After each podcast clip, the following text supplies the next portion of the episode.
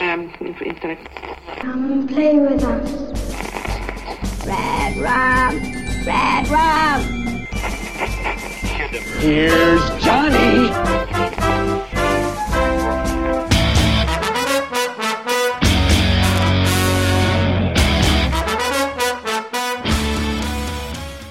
Witamy serdecznie w 156 odcinku podcastu Radio Stephen King. E, Dzisiaj jest ze mną Jerry Witam Cię Mando i witam wszystkich naszych słuchaczy. i będziemy dzisiaj rozmawiać o no, w miarę nowości na naszym rynku, o książce, która ukazała się nieco ponad miesiąc temu. Nie jest to jeszcze Pan Mercedes, a jest to książka syna Stephena Kinga, Joe Hilla, czyli Nosferatu. Okej, no to myślę, że na sam wstęp e, króciutko, jak oceniamy tę książkę. Najpierw Ty, proszę Ciebie. Mm, Znaczy, jakbym miał ją w bardzo skrótowy sposób ocenić, to oceniam ją bardzo dobrze e, i mam wrażenie, że Hill dopracował już taki swój dosyć e, unikalny styl, je- jeżeli chodzi o pisanie. I mimo, że ta książka jest zupełnie inna od e, takich chociażby rogów, to jednak widać, że to nie jest e, jakieś, jakieś takie próbowanie, nie wiem, kalki z ojca albo jakieś w ogóle powtarzanie e, ogranych chwytów, tylko to jest takie dosyć wyraźne pójście w jakąś tam swoją stronę, bo nie czarujmy się patrząc na dotychczasowe dokonania Hilla, widać, że jest obdarzony niebagatelną wyobraźnią i potrafi niesamowicie kreować światy. Także moim zdaniem to jest bardzo udana powieść. Natomiast miałbym jakieś do niej drobne, ale, ale myślę, że to się później będziemy rozwodzić już w szczegółach nad całością książki. No i ja mam bardzo podobne zdanie. E, Po pierwsze właśnie, pomimo, że Hill pisze tak mało, to, to już da się jakoś tak wyczuć e, mm, jego jakiś taki charakterystyczny e, styl, przy czym nie mówię tutaj o stylu mm, pisania, no bo ten ciężko nam ocenić w momencie, gdy my e, odbieramy książkę już, e, która przeszła przez tłumacza. E, chodzi o jakiś taki, taki charakterystyczny klimat dla Hilla.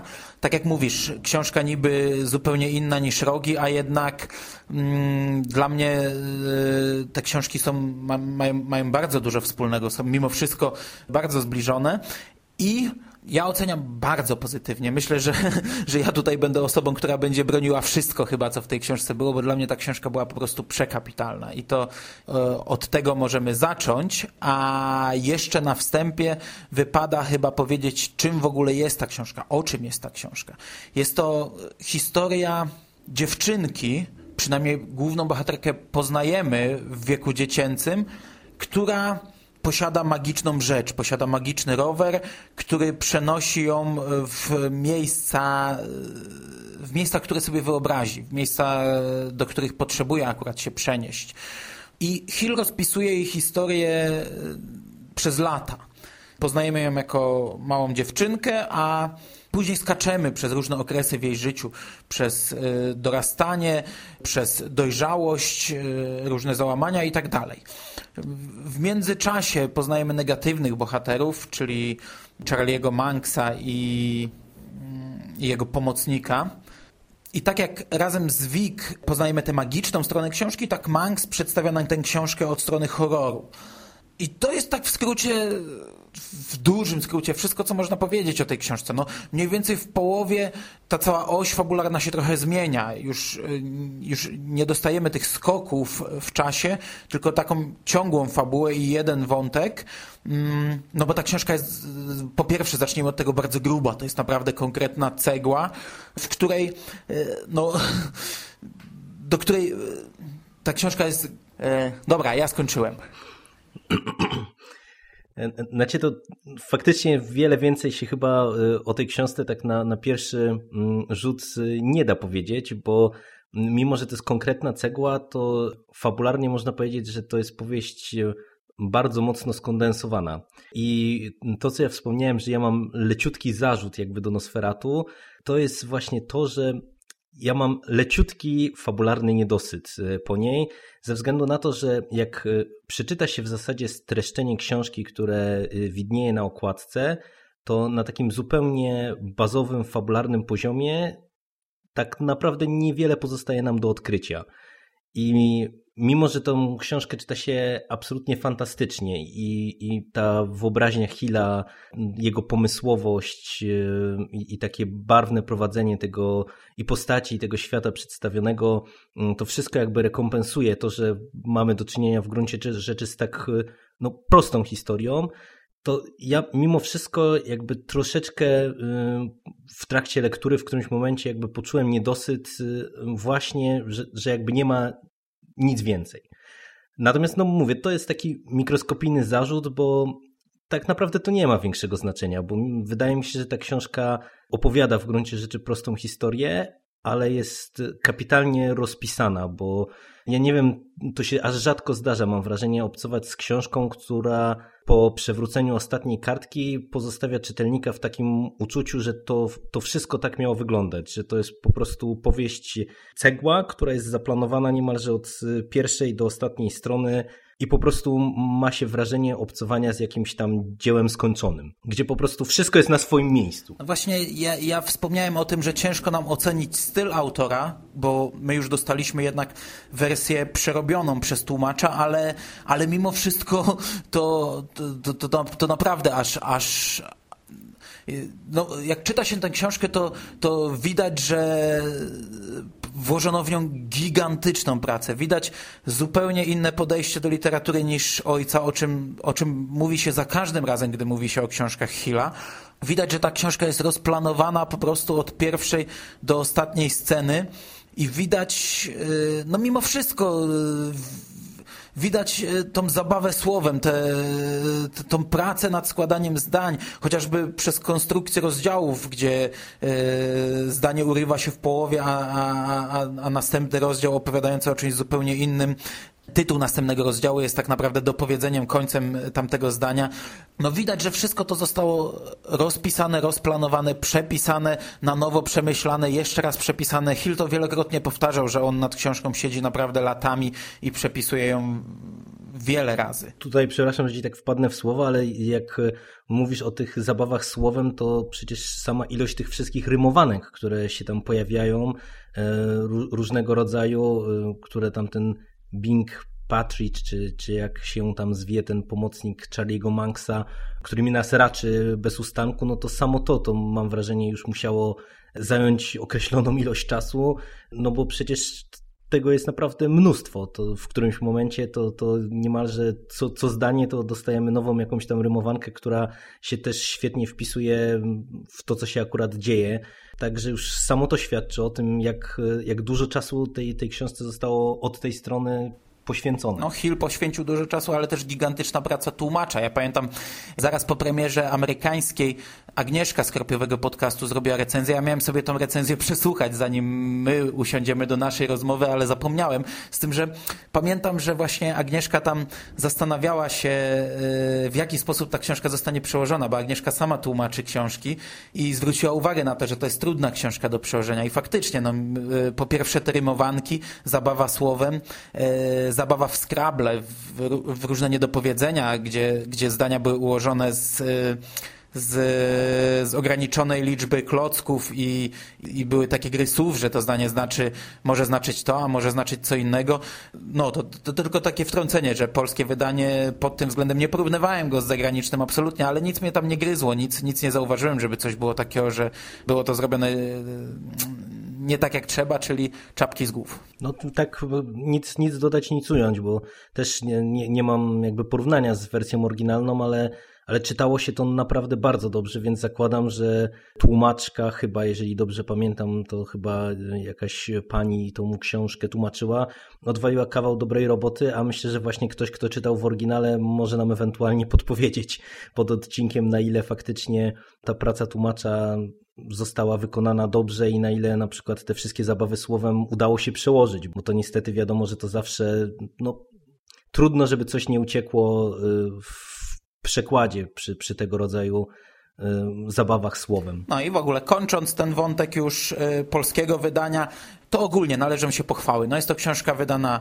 wydana bardzo ładnie, z bardzo ładną okładką, fajną czcionką, w formacie pasującym do innych książek Joe Hilla z tego wydawnictwa, z ilustracjami. Trochę boli brak sztywnej oprawy, bo jednak jest to konkretna cegła, ale równolegle razem z wersją papierową ukazała się wersja elektroniczna. Ja ją nabyłem i tak się zapoznałem się z książką. Także duże brawa dla wydawnictwa Albatros. Rzadko to mówię, więc tym bardziej warte jest to podkreślenia.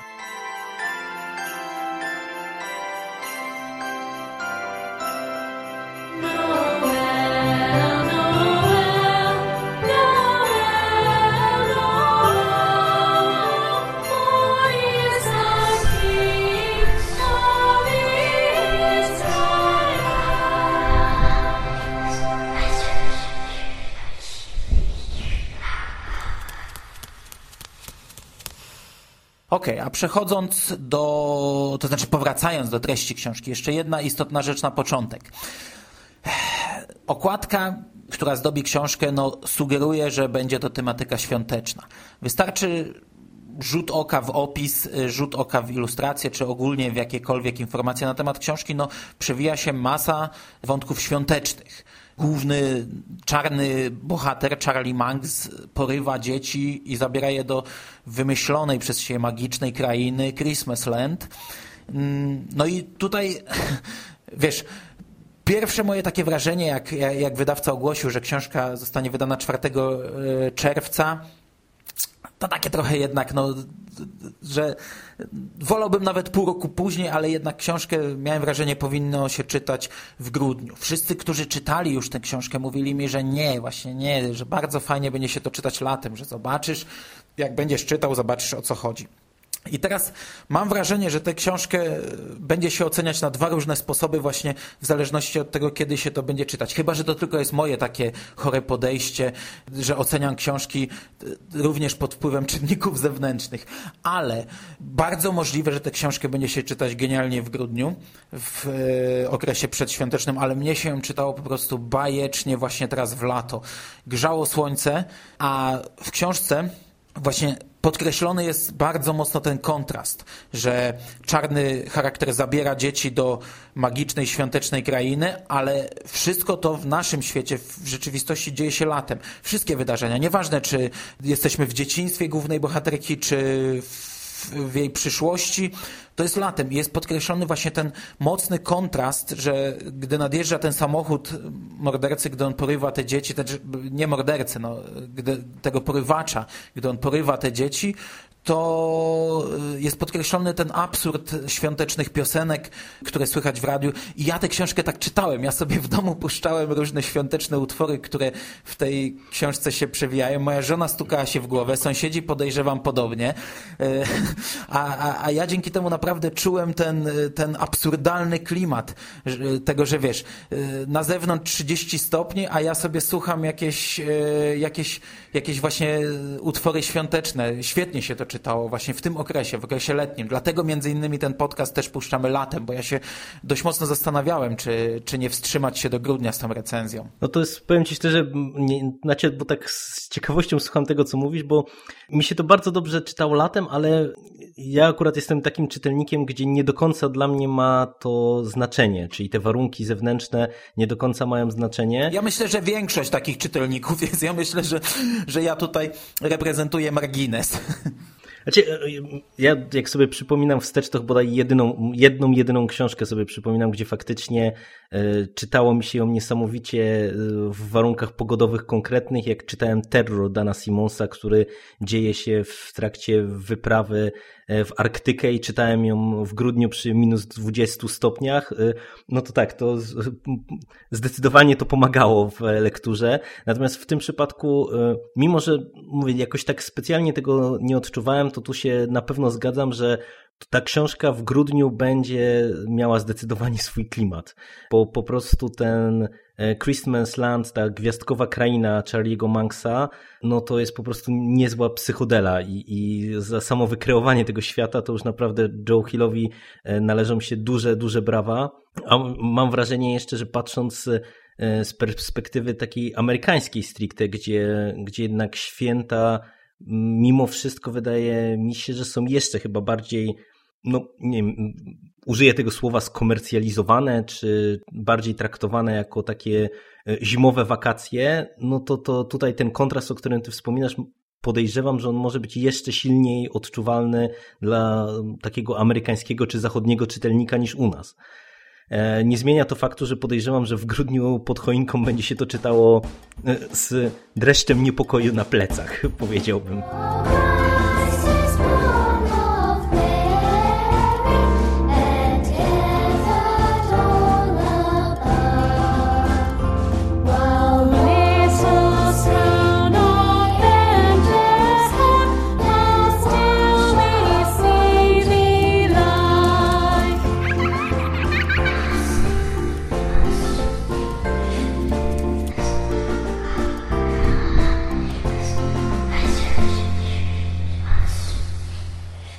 Natomiast tak e, kręcimy się wokół e, poszczególnych wątków i, i, i fabuły tej książki, natomiast ja powiem Ci szczerze, że tak wspomniałem na, na samym początku, że, że Hill e, wypracował taki swój autorski styl, natomiast ja na samym początku tej powieści, gdzieś tak przez pierwsze 150-200 stron, to przez jej konstrukcję, to przeplatanie płaszczyzn czasowych, taki powrót do przeszłości, i przez, przez ten nieszczęsny opis, który przeczytałem z tyłu okładki, który gdzieś tam dosyć dużo zdradza, nie, nie mogłem się oprzeć wrażeniu, że czytam jakąś e, chwilową wariację na temat to.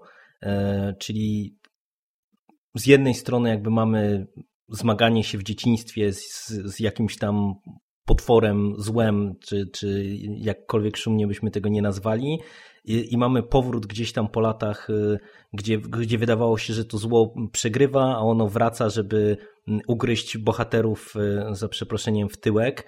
Y, I ten, to początkowe wrażenie było bardzo, bardzo silne, natomiast im dalej, tym słabło i gdzieś tam takie podobne skojarzenia pojawiły mi się dopiero w samej końcówce. E, ze względu na pewne rozwiązania fabularne, ale tu już nie chciałbym w tej chwili o tym mówić, bo, bo to będzie spory spoiler, mam wrażenie, i ewentualnie, jeżeli byśmy się pokusili o jakąś część spoilerową, to, to najwyżej na końcu jeszcze, jeszcze do tego wrócę. Nie zmienia to faktu, że to nie jest tak, że ja uważam, że, że to, to porównanie do to gdzieś tam świadczy o tym, że Hill właśnie się zapatrzył w e, ojca i, i próbował coś takiego zrobić. To po prostu mam wrażenie, że to jest troszeczkę podobna na samym początku właśnie w założeniach historia.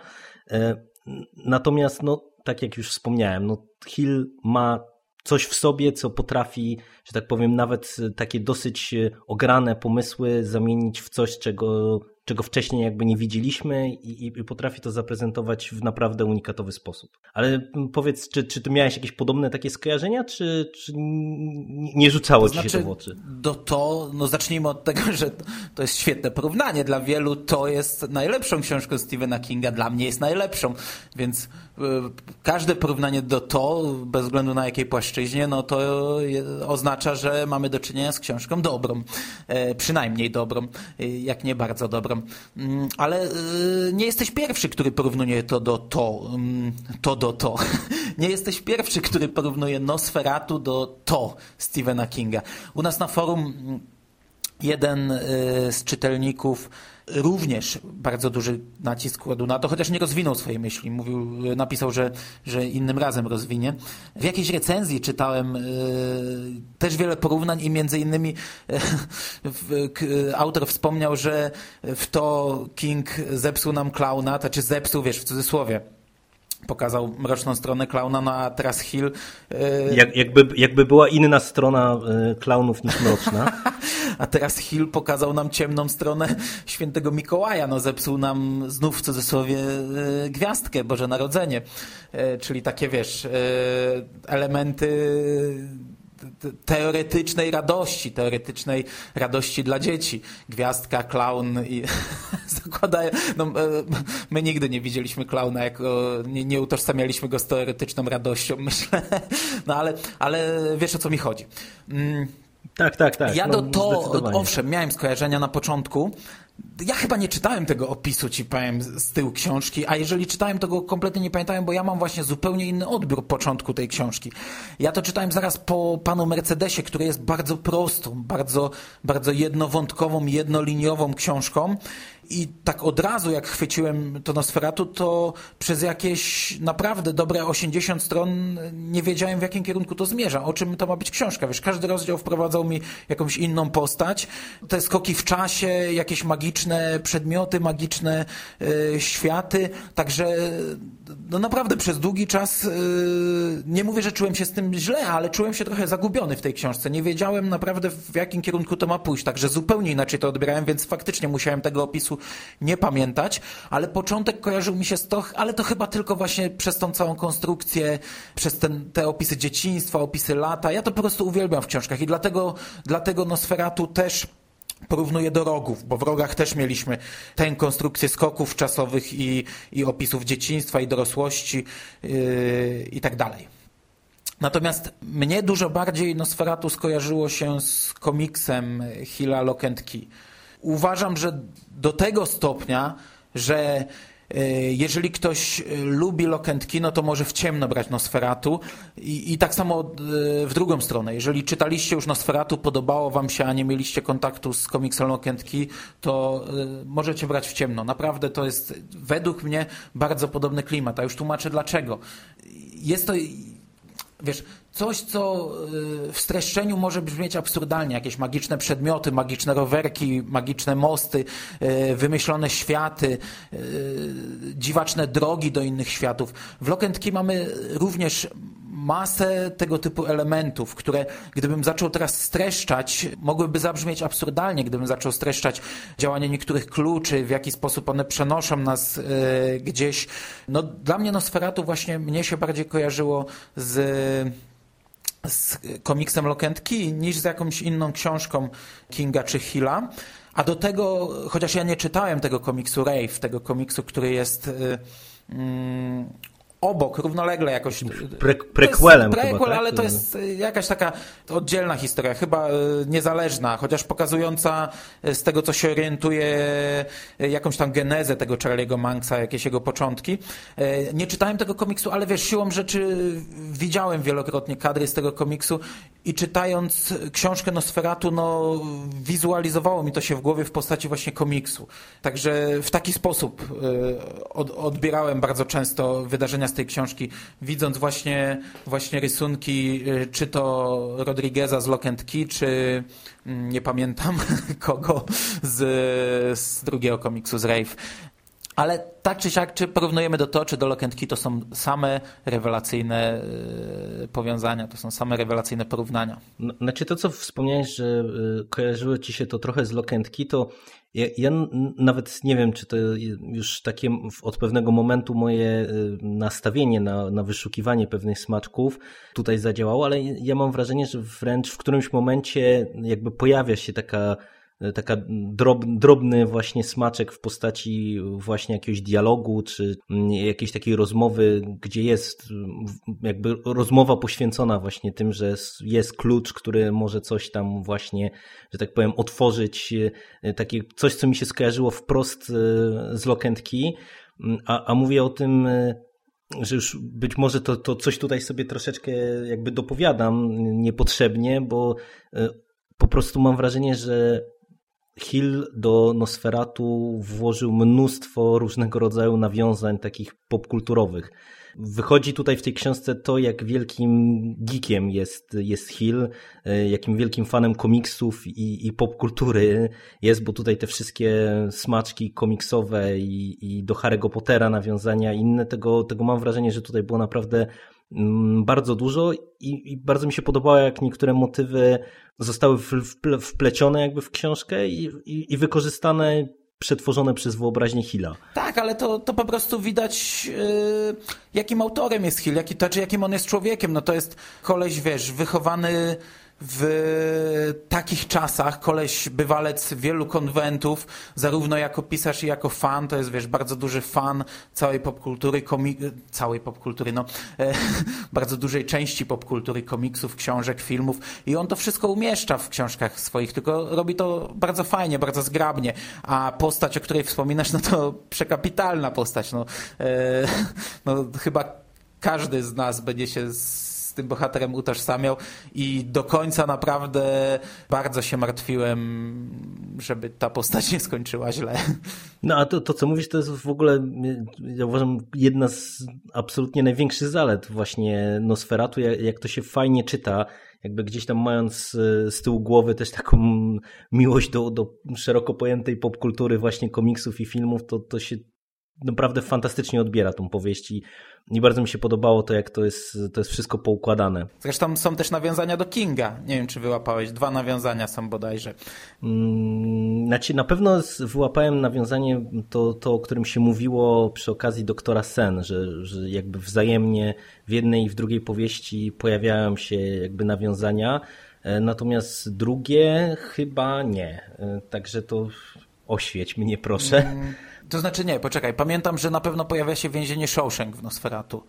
Jest wspomniane raz albo dwa razy. A, tak. Tak, I tak, raz jest wspomniane gdzieś tam miasteczko Derry, jak oni przeglądają mapę na komputerze, ale nie mam pojęcia, takie miasteczko zapewne też istnieje w rzeczywistości, czyli nie mam pojęcia, czy chodzi akurat o to kingowe, czy nie, ale e, no, istotny jest tutaj bardziej sam fakt, że w tym momencie książki Kinga i książki Hilla się już bardzo ze sobą, to znaczy, to nie są jakieś ogromne nawiązania, ale chodzi o to, że obaj panowie jak wypuszczają nowe książki, to nawiązują do siebie. To już jest jedna, jedno uniwersum. I, i, I to się nie gryzie. To po prostu czyta się książkę Hilla i, i tutaj, nie wiem, nikogo nie zakuje w oczy, że, że pojawiają się elementy z Kinga, wręcz przeciwnie. One tam idealnie pasują. E, w, w Panu Mercedesie też jest nawiązanie do pudełka w kształcie serca, którego ja kompletnie nie wyłapałem. E, powiedział mi o tym Ingo. E, w Rogach było nawiązanie do Kerry, jeżeli dobrze pamiętam. W Doktorze Sen, tak jak powiedziałeś, do, do Nosferatu, w Nosferatu do Shawshank, czyli, czyli już w tym momencie panowie robią sobie takie prezenty, a dzięki temu robią prezenty nam, fanom, bo to się bardzo fajnie wyłapuje takie rzeczy. Znaczy, ja powiem Ci szczerze, że ja nawet w którymś momencie to sobie pomyślałem, że Nosferatu i Doktor Sen to się jakby niemalże w jednym świecie dzieje, bo e, w, przy jednym dialogu e, Manksa to ja, ja, odniosłem wrażenie, że on jakby wprost, e, nie nazywając oczywiście tego w ten sposób, mówi o tym prawdziwym węźle, i oczywiście mówię, znowu to być może ja sobie coś tutaj dopowiadam, co jakby faktycznie nie, nie miało miejsca. Natomiast tak jakoś mi się to w głowie ułożyło. No, nie wiem na ile to jest oczywiście zamierzone, no ale to kiedyś dyskutowaliśmy pod jednym z odcinków, że, że w sumie to już nie, po, po wyjściu książki na rynek to już nie do końca mm, autor jakby może odpowiadać za to, co sobie czytelnicy uroją. No i jakoś mi się tak to w którymś momencie rzuciło e, w oczy. I to jest na pewno bardzo, bardzo fajne. Zresztą ja, ja tak jak czytałem posłowie i, i tam Hill jakby wspomina o tej wycieczce motocyklowej no, z ojcem, mm, to, to później sobie tak pomyślałem, czy to nie jest tak, że oni gdzieś tam w trakcie tej podróży e, właśnie sobie e, dyskutowali trochę o, o, o, pomysłach na powieść, bo, bo tak jak patrzyłem chyba na ramy czasowe, to, to i Nosferatu i y, Doktor Sen powstawały mniej więcej w podobnych y, ramach czasowych i czy gdzieś tam po prostu to nie było tak, że właśnie te, te takie wzajemne nawiązania to, to absolutnie nie jest jakby taki przypadek, tylko to jest wręcz rzecz taka, no, uzgodniona, to bym źle może zabrzmi, ale, ale gdzieś tam jakby zupełnie świadomie przez, przez obu panów e, podjęta. E, natomiast dla mnie to jest o tyle fajne, że to dla takiego czytelnika z ulicy, że się tak wyrażę, to, to nie będzie rzecz, którą on wyłapie. Natomiast to jest tak jak z tymi nawiązaniami do komiksów czy popkultury. No,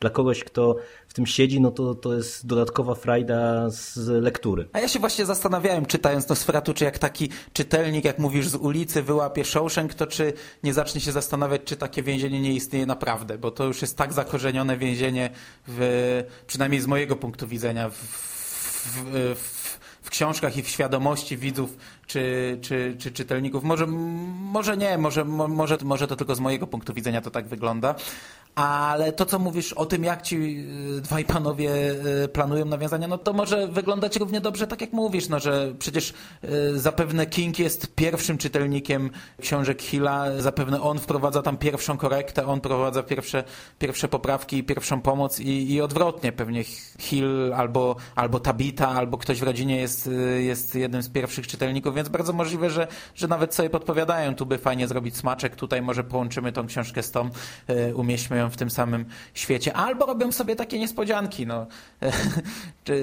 King czyta y, maszynopis Nowy Hilla i, i, i dostaje tutaj ta, ta, ta, taką właśnie niespodziankę w postaci, w postaci nawiązania. No, y, najważniejsze, że z punktu widzenia nas jest to fajna rzecz. Zdecydowanie, no i, i mówię, dla mnie to jest też o tyle fajne, że mm, widać po tych y, powieściach i, i, szczególnie po takim Nosferatu, że mówienie o Hillu tylko w kontekście jakby wielkiego ojca, to mija się z celem, bo, bo po prostu on jest w stu procentach już takim autonomicznym, bardzo, bardzo sprawnym autorem, który no, wyrabia coraz mocniej swoją własną markę, na czym mu zależało i, i tutaj myślę, że naprawdę mówienie y, o nim tylko i wyłącznie jakby poprzez pryzmat ojca to, to by było daleko, daleko krzywdzące, bo Nosferatu myślę, że spokojnie y, bije na głowę y, wiele ostatnich dokonań Stephena Kinga, przynajmniej w moich oczach. Ja się absolutnie z tobą zgadzam, że Hill jest samodzielnym i to potężnym autorem w tym momencie. E, I my mówimy o nim mm, w kontekście Stephena Kinga często, no bo my jesteśmy fanami Stephena Kinga, jest to radio Stephen King i powiedzmy, no, mieszamy to dosyć płynnie te tematy, ale ja tylko raz podszedłem do książki Hilla właśnie przez taki pryzmat, że czytam książkę syna Stephena Kinga, która jest wszędzie wychwalana, i tę książkę mi się źle czytało. Ja źle oceniam pudełko w kształcie serca i chcę teraz przeczytać tę książkę jeszcze raz, żeby zobaczyć już z zupełnie innym podejściem, czy ja przypadkiem nie krzywdzę tej książki i źle nie oceniam. Pozostałe książki przeczytałem później z zupełnie innym podejściem i czytało mi się je kapitalnie. I premiera polska premiera Nosferatu i pana Mercedesa, ja o tym już mówiłem w ostatnich wiadomościach z Martwej Strefy, ale powtórzę to jeszcze raz, pokazuje rzecz genialną, która wydarzyła się w Polsce. No nie okłamujmy się, 90% polskich fanów Hilla nie wiem jak to na świecie, bardzo możliwe, że mógłbym e, globalnie do tego podejść, ale patrzę na polskich fanów Hilla, 90% czyta, zaczęło go czytać dlatego, że był on synem Stephena Kinga. 90% polskich fanów Hilla to są fani Stephena Kinga, często z wieloletnim stażem. A w momencie, gdy te dwie książki ujrzały w Polsce światło dzienne, to zdecydowana większość ludzi, z którymi rozmawiałem, wybrała najpierw Hilla, bo ta książka obiecywała im znacznie więcej to po pierwsze, ale to mniej istotne. Istotne jest to, że e, widać, jak bardzo zmieniło się podejście do tego autora przez te kilka lat, przez, yy, dzięki tym kilku książkom, które on wydał, tylko kilku książkom. No, ludzie, którzy czytali od lat Stephena Kinga, którzy zaczęli czytać Hilla tylko dlatego, że był on synem Kinga, w tym momencie wybierają Hilla yy, nad Kingiem. I jestem przekonany, że gdyby ci dwaj panowie o tym się dowiedzieli, co, co, co się wydarzyło w Polsce w ostatnim miesiącu, to obaj byliby zachwyceni tą sytuacją. Możliwe, że nawet bardziej King byłby zachwycony i dumny. No i kończąc już ten, ten przydługi monolog, powiem tylko, że ja sam, no ja sam zacząłem tego człowieka czytać jako syna Stephena Kinga, a w tym momencie yy, jestem fanem Hilla, jestem fanem jego książek. Uważam, że, że Rogi, uważam, że Nosferatu to są, to są książki, to są książki rewelacyjne. To są książki, które, jak to ostatnio napisał e, Jakub Ćwiek na swojej tablicy, e, Joe Hill, e, pisząc Nosferatu, przeskoczył ponad połowę dorobku swojego ojca. Także w rozmowie poruszamy wątek zarówno ojca, jak i syna, ale obaj się zgadzamy i, i, i większość czytelników Hilla się zgadza, że jest to całkowicie autonomiczny pisarz, który nie odcina się, nie odcina się. On na początku się odcinał, gdy chciał e, zacząć swoją karierę, a w tym momencie, i to też jest fajne właśnie, że ci dwaj panowie e, współpracują razem, rozmawiają o swoich książkach, pomagają sobie, występują razem, gdzie się da, piszą razem. Ja mam nadzieję, że ukaże się jeszcze ich wspólny zbiór kiedyś w przyszłości. Chciałem o to spytać Kinga w Hamburgu, ale mnie nie wybrali do pytania. Z kolei wybrali człowieka, który spytał, jaka jest twoja ulubiona ekranizacja, o czym chyba mówiłem też już kiedyś w podcaście. No ale yy, Jezus Maria, jak ja się za bardzo się rozkręciłem. Y, potnę tą całą, ten, ten cały swój monolog. E, a zakończę go niestety smutną informacją, że chociaż mówimy o tym pisarzu jako o pisarzu naprawdę kapitalnym, chociaż masa ludzi, fanów Kinga sięga po niego, to jednak sprzedaje się on w Polsce nadal źle. To nie jest żadna oficjalna informacja od wydawcy, ale, ale Nosferatu wcale nie sprzedaje się lepiej niż wcześniejsze książki, a wcześniejsze książki zalegały w tanich książkach po 12 zł, także, także wcale bym się nie zdziwił, jak na kolejną książkę byśmy y, musieli długo czekać, a może nawet jakbyśmy jej nie otrzymali. Wiecie, to jest, wiesz, to pytanie zawsze w takich sytuacjach jest takie, na ile, na ile w Polsce w ogóle się sprzedaje coś poza Kingiem i Mastertonem, bo jak ja e, patrzę na, na ostatnie lata i próby wprowadzenia e, różnych autorów na, na polski rynek, no to okazuje się nagle, że mimo tego, jak teoretycznie popularnym gatunkiem jest e, horror, czy, czy thriller, czy, czy jakkolwiek byśmy tego nie nazwali, czy jakieś takie mroczne, e, mroczna baśń, jaką Nosferatu w sumie jest, no to jest tak, że po prostu poza naprawdę paroma autorami, to chyba te książki się sprzedają właśnie średnio, bo to, bo to naprawdę już mam wrażenie, że paru autorów e, w ostatnich latach, e, którzy gdzieś tam się szumnie przybyli na nasz rynek, nagle e, bardzo szybko zgasło właśnie z powodu mizernej sprzedaży ich książek u nas, więc no to mówię, to jest otwarte pytanie, na ile to jest właśnie wina tego, że po prostu u nas jednak jest problem z Hillem, a na, a na ile to jest problem szerszy, właśnie czytelnictwa grozy jako takiej. No niestety to jest problem szerszy. Tak jak mówisz, no, mamy kilku znajomych, którzy gdzieś tam pracują po wydawnictwach i, i rozmawiając prywatnie, no, no jednak to się przewija, że horror się nie sprzedaje. No, był króciutki boom na, przecież na, na Jacka Ketchama, był króciutki boom na Edgara Lee. Od, od, od bardzo dawna nie widzieliśmy żadnych książek tych pisarzy. To była... No, zgadza, zgadza się. Ja właśnie chociażby o takim Edwardzie Lim myślałem sobie właśnie gdzieś tam z tyłu głowy, no bo debiut z Hukiem, wszyscy mówili o tym jako takim horrorze roku Pamiętam przy okazji Sukuba, kiedy on się pojawił, bardzo szybko się pojawiły e, dwie kolejne książki i mam wrażenie, że te dwie pozostałe powieści walają się jeszcze w księgarniach po dziś dzień chyba. No, inne wydawnictwo miało wydawać, czyli dwa wydawnictwa miały wydawać w sumie Edgara bo przecież SQN miało też w planach jego książkę. Pojawił się w Polsce, był krótki szum i tak jak mówisz, tak jak mówimy, mm, zgasło. No niestety, tak jak mówimy, to jest głębszy problem, poruszany co jakiś czas w różnych dyskusjach. Gdzieś tam kiedyś czytałem, że rynek nasycił się w latach 90. i horrorem i, i, i do dzisiaj nie ma zapotrzebowania jakiegoś większego na, na ten gatunek poza tymi kilkoma pisarzami, o których wspomniałeś, dokładnie dwoma. Ale, ale nie, nie wiem, czy nie odnosisz wrażenia, że... Yy Rozmawiamy 40 minut, a o samym Nosferatu na razie powiedzieliśmy zatrważająco mało. Jakoś tak e, nam ta książka Hila służy jako pretekst do dyskusji około, około tematycznych. I nie wiem, czy nie powinniśmy na chwilę jeszcze do, do, do samej, samego meritum tego podcastu powrócić. No, no, te, te, też, też tak myślę. Znaczy, to jest ogólnie książka dość trudna do dyskusji. Ja się naprawdę zbieram od miesiąca do napisania recenzji tekstowej na, na stronę.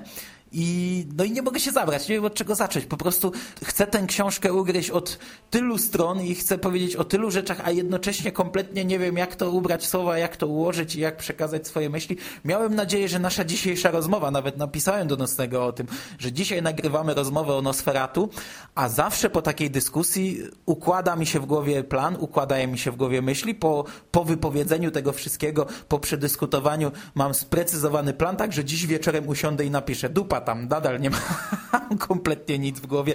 Także, nie, także no, kolego, może, może faktycznie przejdziesz do Nosferatu. Znaczy, a, a propos przejścia do Nosferatu, to nie wiem, czy się nie pokusimy może o jakąś część trochę spoilerową w tej chwili, bo myślę, że jeżeli ktoś wytrzymał z nami 40 minut ogólnych pochwał i, i dyskusji około tematu, to, to myślę, że możemy się pokusić trochę o taką dyskusję wchodząc w szczegóły. Nie wiem, no co dobra, ty na dobra. to, Mando? Porównaliśmy do najlepszych, oceniliśmy, wskazaliśmy e, nieliczne minusy, oceniliśmy język, styl, tłumacza, wydanie, historię, klimat. Obaj polecamy. Ja polecam bardzo, bardzo, bardzo mocno. Ty polecasz bardzo mocno. także, także faktycznie możemy przejść do części spoilerowej. Charlie Manx can also bring his inner world into ours, and his inner world is very cold. It's a world of fun, but also madness, and that world is Christmasland.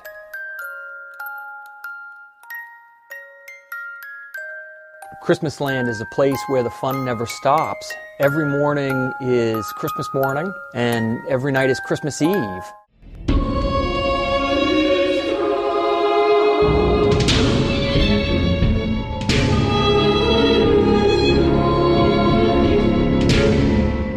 I powiem Ci tak, że mm, dla mnie taką największą siłą e, Nosferatu i, i mi się wydaje, że chyba z tego też wynika, czy może wynikać jeden z problemów e, tych, o którym Ty mówisz, że tą książkę jest bardzo trudno e, ugryźć, jest to, że ta historia jest teoretycznie bardzo prosta, ale ona jest nasycona takimi bardzo jakimiś drobnymi smaczkami, drobnymi scenkami to jest tak, że tych, jest takich, mam wrażenie, mnóstwo opowiastek i, i takich konkretnych scenek y, wewnątrz tej powieści, które budują tak na dobrą sprawę cały ten taki fantastyczny klimat y, tej historii. Y, bo przecież tutaj w Nosferatu mamy elementy takie stricte baśniowe, gdzie, gdzie mamy przecież jakby te, te wszystkie magiczne przedmioty, te artefakty, które gdzieś tam wręcz, mm, nie wiem, są przywołane jakieś te horukruksy, czy jak to się tam nazywało w Harry Potterze, innego rodzaju jakieś tam magiczne przedmioty. Mamy cały ten baśniowy klimat y, tej gwiazdkowej krainy, ale to jest zderzone momentami bardzo boleśnie z takim bardzo, powiedziałbym, nawet mocnym horrorem i, i, takimi mocnymi elementami tej powieści, bo przecież y, tutaj ten kontrast to momentami jest niesamowity, gdzie mamy przecież na przykład tego Charlie'ego Manxa, który no, zasłania się frazesami mówi tak na dobrą sprawę jak taki dobry przyjacielski wujek. I sam się przedstawia jako osoba przecież, która no, nie robi nic złego i chce tylko dobrze. I w zasadzie momentami to aż trudno mu nie uwierzyć, no bo tak na pierwszy rzut oka, no to on faktycznie w porównaniu jeszcze czy w zestawieniu go z tym pomocnikiem jego, no to on faktycznie wygląda i zachowuje się i działa jak, jak dobry wujaszek.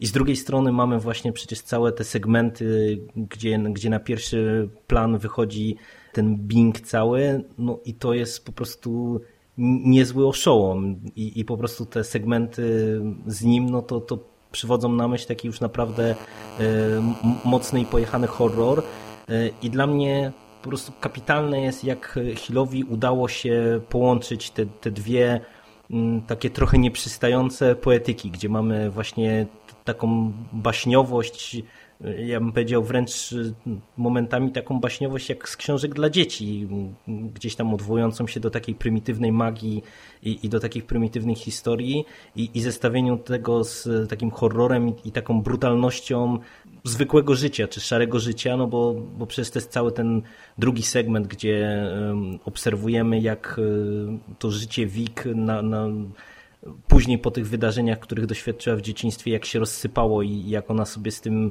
nie poradziła, jak um, widzimy też tą Megi, która podobnie jakby została zniszczona przez, przez ten dar, z którym też jakoś sobie tam nie mogła poradzić.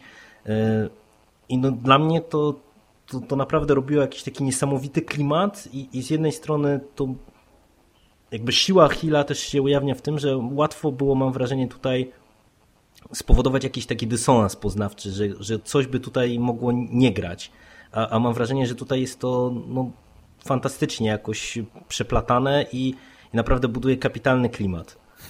Znaczy, znaczy dużo tematów poruszyłeś i teraz muszę sobie to ułożyć w głowie, e, e, żebym niczego nie pominął. E, a tak naprawdę mało spoilerów, jak na część spoilerową, ale chyba faktycznie tutaj... Jeszcze, je, je, jeszcze, jeszcze myślę, że przejdziemy jest... do jakichś cięższych spoilerów. no tak, ja się, ja, się, ja się całkowicie zgadzam, że właśnie mamy tutaj teoretycznie oderwane elementy z różnych bajek, a połączone ze sobą w taki sposób, że, e, no, że ja przynajmniej e, całkowicie kupiłem tę konwencję i całkowicie się w niej zatraciłem. Mamy bardzo magiczny świat, który, który właśnie, właśnie opowiedziany, gdybym ja się zabrał za, za, za opowiadanie tej historii, no to, to brzmiałoby to absurdalnie. Połączony z dramatem, z, z ciężkimi scenami obyczajowymi z, z życia głównej bohaterki która na przestrzeni tych wszystkich stron przechodzi przecież ogromne zmiany, no bo to nie jest tylko to całe załamanie nerwowe i, i ten szpital psychiatryczny, to jest też... Yy, duży fragment poświęcony na, na jej taką zmianę mm, w okresie dojrzewania, gdzie, gdzie staje się taką trochę denerwującą niektórych postacią, chociaż rozpisaną bardzo dobrze. To jej zachowanie w stosunku do matki, gdzie ukrywa się w piwnicy, gdzie wychodzi i, i, i aż chce, żeby coś jej się stało, żeby na złość tej matce, na złość tej matce wyjdę i odbrożę sobie, sobie stopy. A trzecia rzecz, ten horror. Ten horror jest naprawdę y, bardzo fajny, bardzo mocny. Od strony, od strony horrorowej no to jest y, świetna książka. Ja właśnie, y, tak jak powiedziałem wcześniej, na chwilę obecną jeszcze oceniam źle pudełko w kształcie serca, które było właśnie takim rasowym horrorem Kinga. Rogi horrorem nie były. A Nosferatu dla mnie właśnie łączy to, co było świetne w rogach, które ja uwielbiam i dodaje do tego kapitalny horror. I, i, I te trzy elementy grają ze sobą świetnie. A to, co powiedziałeś o postaciach, o postaciach negatywnych, one też zostały rozpisane bajecznie. Pomocnik Charlie'ego Manxa, no to jest y, całkowicie negatywna postać. Ja jej nie polubiłem do końca, ale on też jest, to, no to jest po prostu chory człowiek. Rozpisane jest tak, że on wierzy w to, co robi. On to robi w pewnym celu i, i, i jemu nie, nie, nie przyświecają jakieś złe y, pobudki. No przynajmniej y, w stosunku do dzieci, bo do ich matek to już może niekoniecznie. A Charlie Manx, ja przyznaję, że tak gdzieś około trzech czwartych książki miałem chwilę zwątpienia. Zastanawiałem się, czy aby Charlie Manx nie robi dobrych rzeczy. No przyznaję, że zwątpiłem, czy, czy ta magiczna kraina, czy ta kraina gwiazdkowa będzie faktycznie złym miejscem, czy on porywa dzieci i, i robi z nich potwory. E, chociaż e, to mogło już zasugerować ta scena w jego domu, e, gdzie, gdzie główna bohaterka miała starcie z chłopcem, wampirem w siedzącym w samochodzie, ale mimo wszystko i tak zacząłem się zastanawiać, czy aby to wszystko, co robi Charlie Manx, czy on tego faktycznie nie robi z... Yy no, rozumiesz o co mi chodzi, nie? bo w zasadzie powtarzam to. Tak, nie, znaczy, nie, nie, ja, ja, ja jakby się z Tobą w pełni zgadzam i ja uważam, że to w tym tkwi też e, siła jakby tego pomysłu i, i jego realizacji ze strony Hilla, bo ja miałem dokładnie to samo, że, że w którymś momencie to po prostu odniosłem wrażenie, że, że to jest tak, że nawet jeżeli on coś robi źle, to tak, takie odniosłem w pewnym momencie wrażenie, że te jego intencje e, teoretycznie są jakby no dobre czy czyste. No.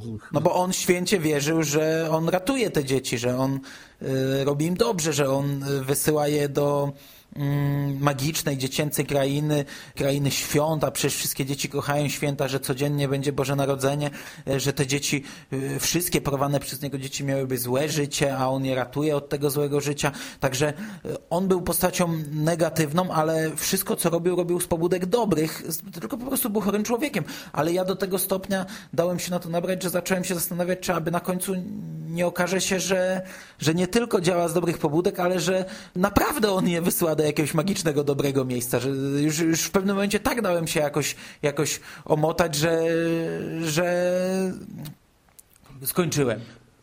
Potnę to. Spoko. Dałeś się omotać, jednym słowo.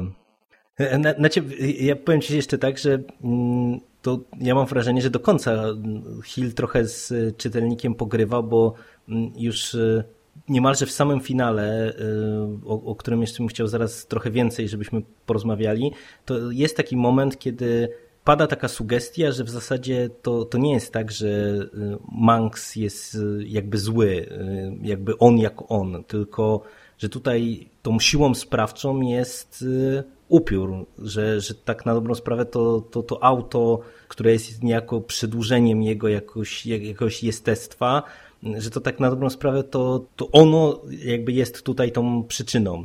I ja mówię, że sobie Hill z nami trochę pogrywa, no bo tam jest taka sugestia w pewnym momencie, przynajmniej ja to tak odebrałem, że e, czy to jest tak, że to właśnie samochód e, jest jakby tą cząstką psychiki Manxa, tak, tak jak momentami to, to wygląda, czy to jest tak, że to, to była jakaś zła rzecz, która go gdzieś tam opętała i że to tak na dobrą sprawę, to nie jest tak, że on był zły jako zły, tylko no, był słabym człowiekiem stłamszonym przez żonę i dał się po prostu opętać, próbując uciec gdzieś tam od swoich problemów. I mimo, że gdzieś tam w finale jakby mamy to dopowiedziane i, i już no umówmy się, że y, raczej nie ma wątpliwości co do tego, że, że za tymi dobrymi intencjami no, stały jednak złe, złe, złe czyny i, i źle się działo, ale i tak samo to, że w zasadzie gdzieś tam niemalże do końca udaje się Hillowi podtrzymać tą taką iluzję tej postaci jako takiej nie do końca jednoznacznie złej, to,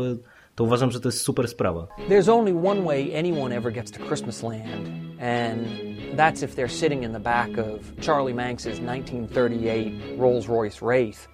The radio only receives Christmas music and once you're in the back seat, it's impossible to get out of it. The doors won't open. Charlie takes children into his car and he takes them on this long drive to this otherworldly place. Christmas Land is a place that any child would love to spend the rest of their days in. When you get to it, you'd never want to leave, which is a good thing because once Charlie brings you to Christmas Land, you never do leave. Pytanie jeszcze mam do ciebie, Mando, w tym układzie o sam e, finał. Jak ci się jakby domknięcie tej historii e, spodobało? Jak, jak, jak, jak znajdujesz jakby to, jak się potoczyły losy tych wszystkich głównych postaci i, i jak samo starcie z gwiazdkową krainą wypada w twoich oczach? Ale chodzi o tą ostatnią, zupełnie ostatnią scenę, czy, czy Mm, ta, znaczy o, o, samą końcówkę, bo to jest właśnie, to jest też fajne, że mamy tutaj jakby to rozbicie na taki finał domykający jakby tą główną opowieść, plus jakby to takie postscriptum do, do całości. To znaczy, ja przyznam, że do końca tak jak powiedziałem już wcześniej, kibicowałem temu bohaterowi, temu geekowemu bohaterowi, temu nerdowi, mężowi głównej bohaterki, y, znaczy chłopakowi głównej bohaterki. Mm, I jednak trochę Hill mnie zaskoczył, bo obstawiałem, że on zginie, że to będzie taki dość prosty myk wprowadzenia postaci y, szalenie pozytywnej, którą wszyscy lubią i uśmiercenie jej na końcu. Także zaskoczył mnie tym, że jednak on przeżył, a, a to Vic zginęła, ale takie rozwiązanie, no... Znaczy... Za trudne pytania no, zadaję. Z tym, że to rozwiązanie, no oczywiście na plus.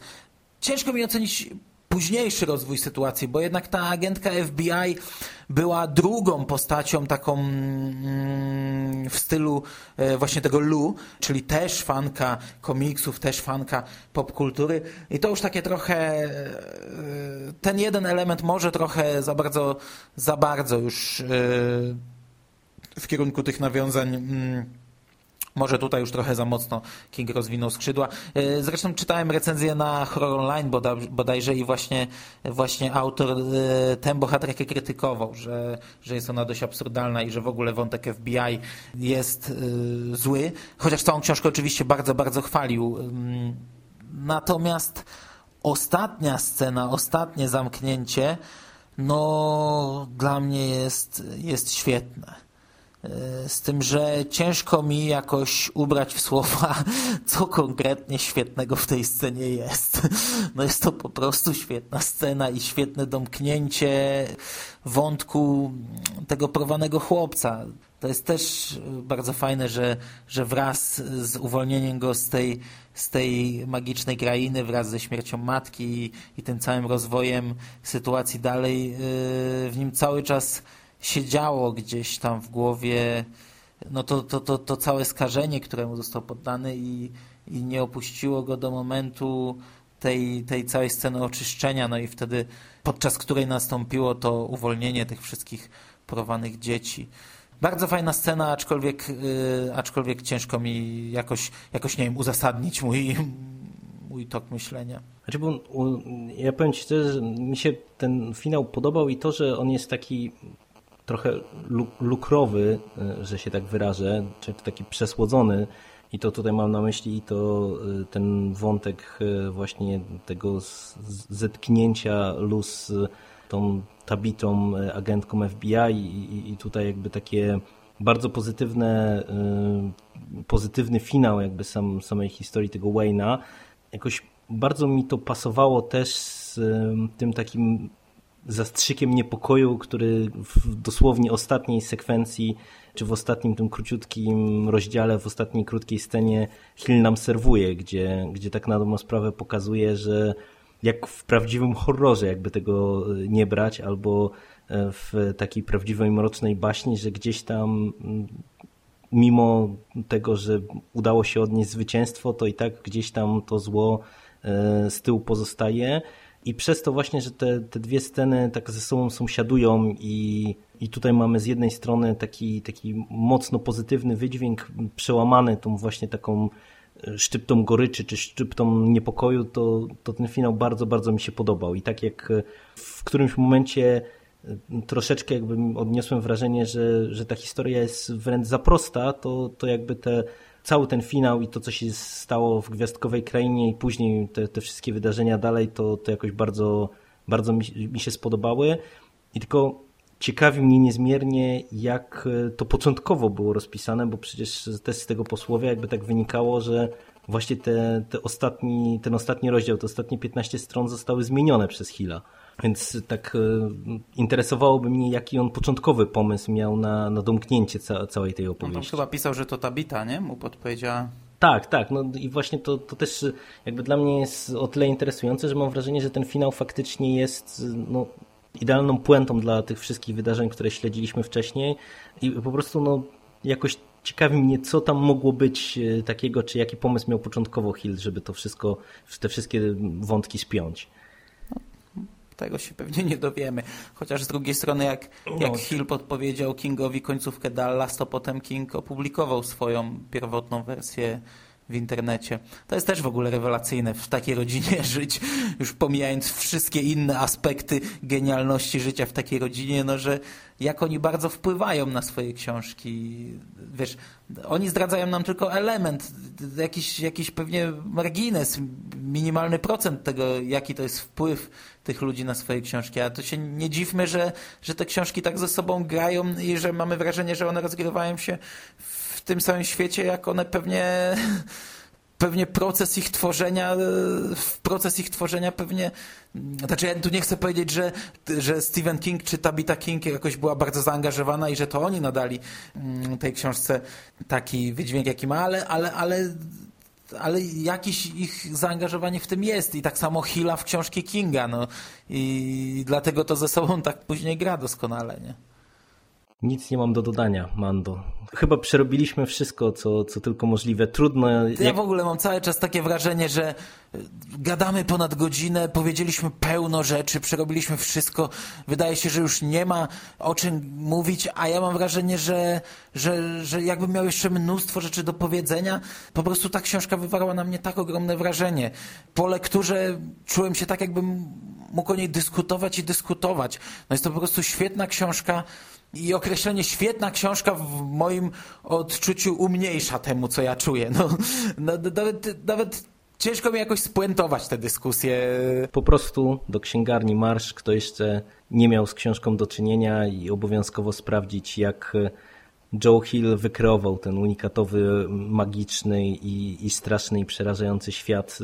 Jak fantastyczna jest ta, ta historia zaserwowana nam przez na kartach Nosferatu. Niestety, jako że jest to część spoilerowa, to słuchają nas już pewnie tylko ci, którzy książkę przeczytali, ale jeśli dobry, no tutaj ktoś, kto jeszcze nie czytał, to tak jak mówi Jerry, do księgarni i w waszych rękach jest teraz to, żeby Hillowi podskoczyły w Polsce statystyki sprzedaży jego książek, bo jest to autor, który y, jak no nie chcę powiedzieć jak nikt inny, ale, ale jak mało kto na to zasługuje. Zdecydowanie tak i, i trzeba, trzeba trzymać za niego kciuki. I tym pozytywnym akcentem kończymy naszą dzisiejszą dyskusję. Pewnie nie powiedzieliśmy wielu rzeczy, ale, ale chyba zachowaliśmy e, sens, przekazaliśmy w tym całym chaosie to, co chcieliśmy przekazać, czyli krótko, że książkę po prostu polecamy. To dzięki Ci, Mando, za nagranie. Dzięki Ci, Jerry, za rozmowę i do usłyszenia. Do usłyszenia. Hej. Cześć.